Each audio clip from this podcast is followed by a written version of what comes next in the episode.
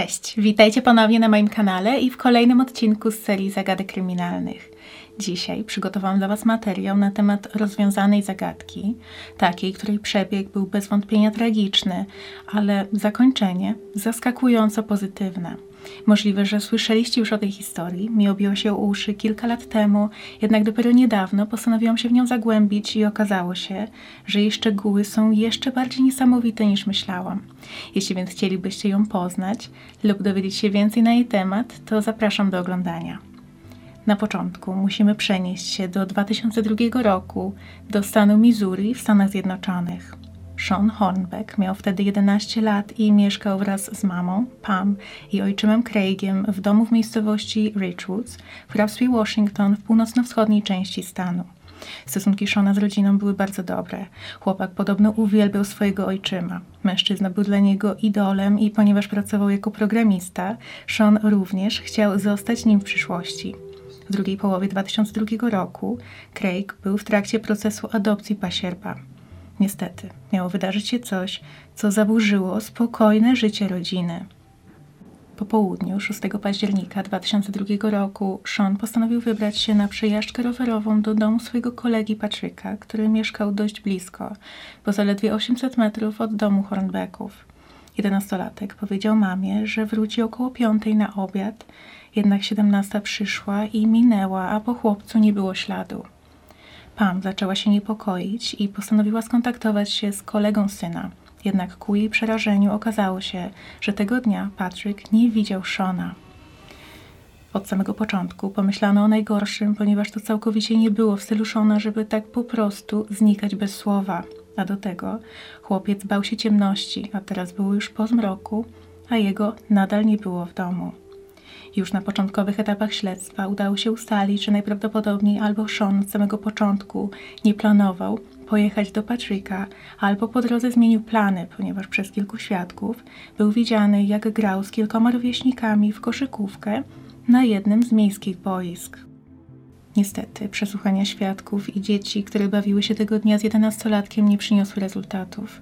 Chłopiec po grze zaczął kierować się w stronę domu, ale z jakiegoś powodu nigdy tam nie dotarł.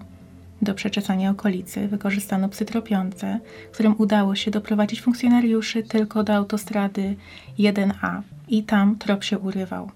Poszukiwania Shona trwały dalej.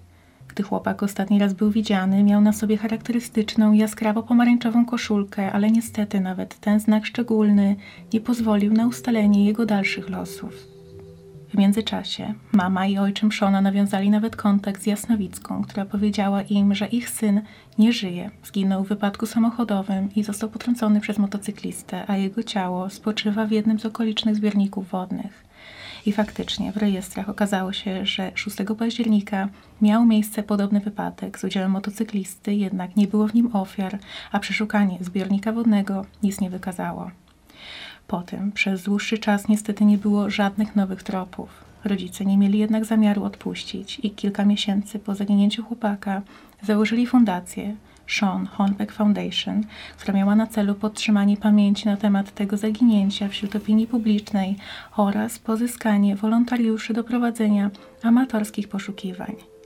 Przez kolejne miesiące rodzice apelowali kilkukrotnie w mediach o pomoc w poszukiwaniach i do jakichkolwiek świadków, którzy mogą mieć informacje na temat miejsca pobytu chłopaka. Wyznaczono także nagrody w wysokości 200 tysięcy dolarów za pomoc. Pan wystąpiła także w programie telewizyjnym, do którego zaproszono jedną z najbardziej znanych jasnowidzek w tamtym czasie, Sylwię Brown.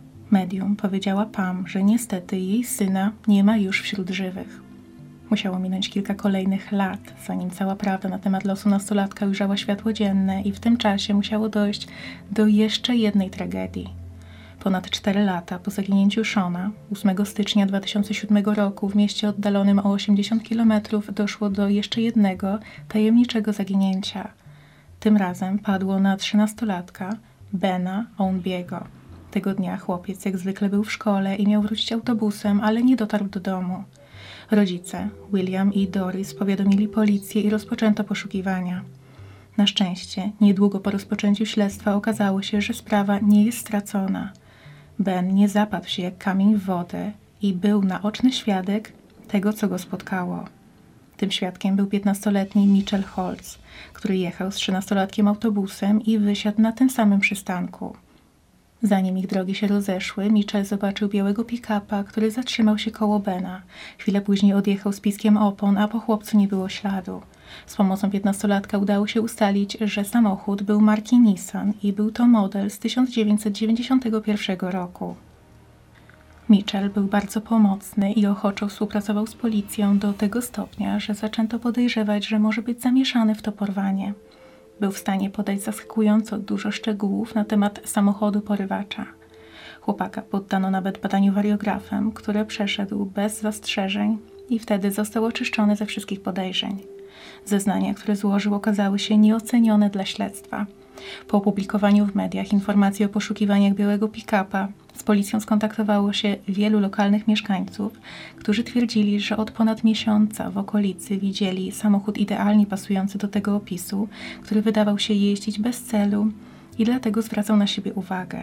Wszystko wskazywało więc na to, że porywacz od dłuższego czasu albo próbował znaleźć swoją kolejną ofiarę, albo obserwował Bena. Mieszkańcy byli przerażeni, że w okolicy grasuje porywacz. Wkrótce z policją skontaktował się mężczyzna imieniem Mike, który twierdził, że doskonale kojarzy ten konkretny pojazd i że wie do kogo należy. Miał on być własnością właściciela pizzerii IMO's Pizza, który co ciekawe od kilku dni nie pojawiał się w pracy. Ten właściciel nazywał się Michael John Devlin. Podczas gdy śledczy zajmowali się ustaleniem adresu zamieszkania właściciela samochodu, oddział pracujący nad zupełnie inną sprawą pojechał złożyć wizytę mieszkańcowi kompleksu mieszkaniowego w Kirkwood w Missouri. Przypadkiem na parkingu przed budynkiem zauważyli białego pick-upa. Zaczęli wypytywać mieszkańców o właściciela i większość była skora do pomocy, jednak jeden mężczyzna niechętnie odpowiadał na pytania i spieszył się, żeby wrócić do mieszkania. Zachowanie wydało się podejrzane, dlatego postanowiono go obserwować. I niedługo później mężczyzna wyszedł, wsiadł do pick-upa i odjechał. Okazało się, że udał się pod wspomnianą wcześniej pizzerię. Wszystko zaczęło układać się w całość i policja miała swojego poszukiwanego. 10 stycznia 2007 roku funkcjonariusze weszli do restauracji i zaczęli wypytywać 41-letniego Michaela Obena. W tym czasie inni policjanci przeszukiwali jego auto. Ustalono, że opony zostawiały charakterystyczne ślady, dokładnie takie same, jakie zabezpieczono w miejscu porwania Bena. Devlin wydawał się zdenerwowany i musiał wiedzieć, że znalazł się w sytuacji bez wyjścia, ponieważ dość szybko wyjawił prawdę. Przyznał się do porwania 13-letniego Bena, ale ku zdziwieniu policji wspomniał również, że Ben to nie jedyny chłopak, którego porwał. Powiedział, że od kilku lat ma pod swoją opieką jeszcze chłopca imieniem Sean. Okazało się, że miał na myśli Shona Hornbecka, który od czterech lat i trzech miesięcy pozostawał osobą zaginioną i nikt nie sądził, że może być cały i zdrowy. Michael Devlin wiedział, że dla niego sprawa jest przegrana, dlatego postanowił zaprowadzić śledczych do swojego mieszkania i tam funkcjonariusze zastali 13-letniego Bena Onbiego i 15-już-letniego Shona Hornbecka siedzących na kanapie i grających w gry wideo. Podczas gdy Ben od samego początku, gdy policja weszła do mieszkania, wydawał się podekscytowany, to Sean był bardzo spokojny i wręcz zagubiony. Było oczywiste, że przez te lata zdążył już pogodzić się z myślą, że nigdy nie wróci do swojego poprzedniego życia. Nagłe rozwiązanie dwóch spraw jednocześnie szybko obiegło lokalną społeczność i wydawało się to bardziej niesamowite niż jakikolwiek scenariusz filmu. Craig, ojczym Shona, przyznał, że telefon, który otrzymał od śledczych informujący o odnalezieniu pasierba, był największym szokiem w jego życiu i nie potrafi nawet wyrazić słowami tego, co on i jego żona czuli w tamtym momencie. Zanim nastolatkowie mogli wrócić do codzienności, stało przed nimi jednak jeszcze jedno trudne zadanie opowiedzenie policji, co dokładnie ich spotkało. Sean doskonale pamiętał dzień, w którym jego życie odwróciło się do góry nogami.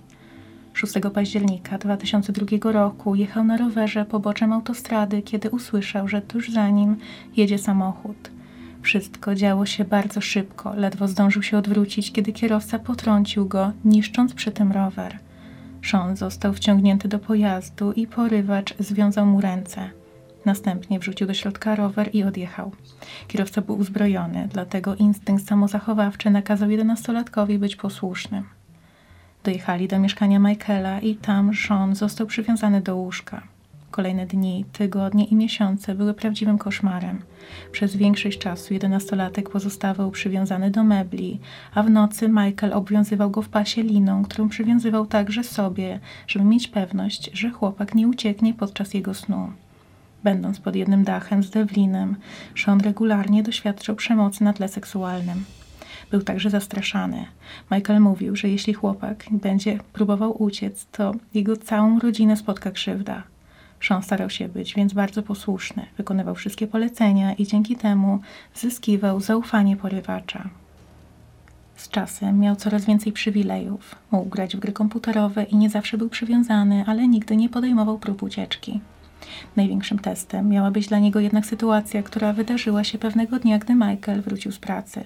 Do tego czasu wydawało się, że wszystko przebiega stabilnie i że ten dzień nie będzie niczym różnił się od wcześniejszych, jednak Devlin bez wątpienia był zaburzony i akurat tego dnia wpadł w szał. Zaciągnął Shona do samochodu i wywiózł go na odludzie, gdzie planował odebrać mu życie. Chłopak postanowił jednak zrobić wszystko, żeby przekonać porywacza, żeby tego nie robił. Powiedział, że wykona każde jego polecenie i będzie nawet udawał, że jest jego synem i nigdy nie będzie próbował uciec. Michael przystał na tę propozycję i w ciągu kolejnych miesięcy i lat sytuacja Shona bardzo się poprawiała. Mógł nawet sporadycznie wychodzić bez nadzoru z mieszkania i zawierać znajomości z rówieśnikami mieszkającymi po sąsiedzku. Nigdy jednak nie próbował uciec, mimo że miał ku temu kilka okazji. Całe otoczenie sądziło, że jest synem Michaela, ponieważ tak dobrze odgrywał swoją rolę. To, co obiecał robić, zadarowanie mu życia. Wiódł praktycznie normalne życie nastolatka, przynajmniej tak wydawało się do otoczenia, z wyjątkiem tego, że nie chodził do szkoły, ponieważ ta kwestia byłaby zbyt skomplikowana bez odpowiednich dokumentów. Sean miał również kilkukrotnie możliwość poinformowania policji o swojej sytuacji. Raz, gdy sam zgłaszał kradzież roweru sprzed centrum handlowego. A pewnego razu, podczas wizyty u sąsiadów, w telewizji pokazane zostało zdjęcie zaginionego Shona Hornbecka i puszczony fragment apelu jego rodziców. Obecni przy tym spojrzeli na chłopaka i zapytali, czy to on jest na zdjęciach, ale odpowiedział, że nie i że podobieństwo i zbieżność imion jest przypadkowa. Podczas wywiadu w programie The Oprah Winfrey Show w 2007 roku Sean przyznał, że podczas swojej niewoli podjął nawet jedną próbę nawiązania kontaktu ze swoimi bliskimi. Poprzez stronę internetową poświęconą jego zaginięciu napisał wiadomość o treści, jak długo będziecie szukać swojego syna. Podpisał się pod nią swoim prawdziwym imieniem i nazwiskiem. Jego zdaniem była to próba dania znać swoim rodzicom, że nadal żyje i że nie powinni poddawać się w swoich poszukiwaniach.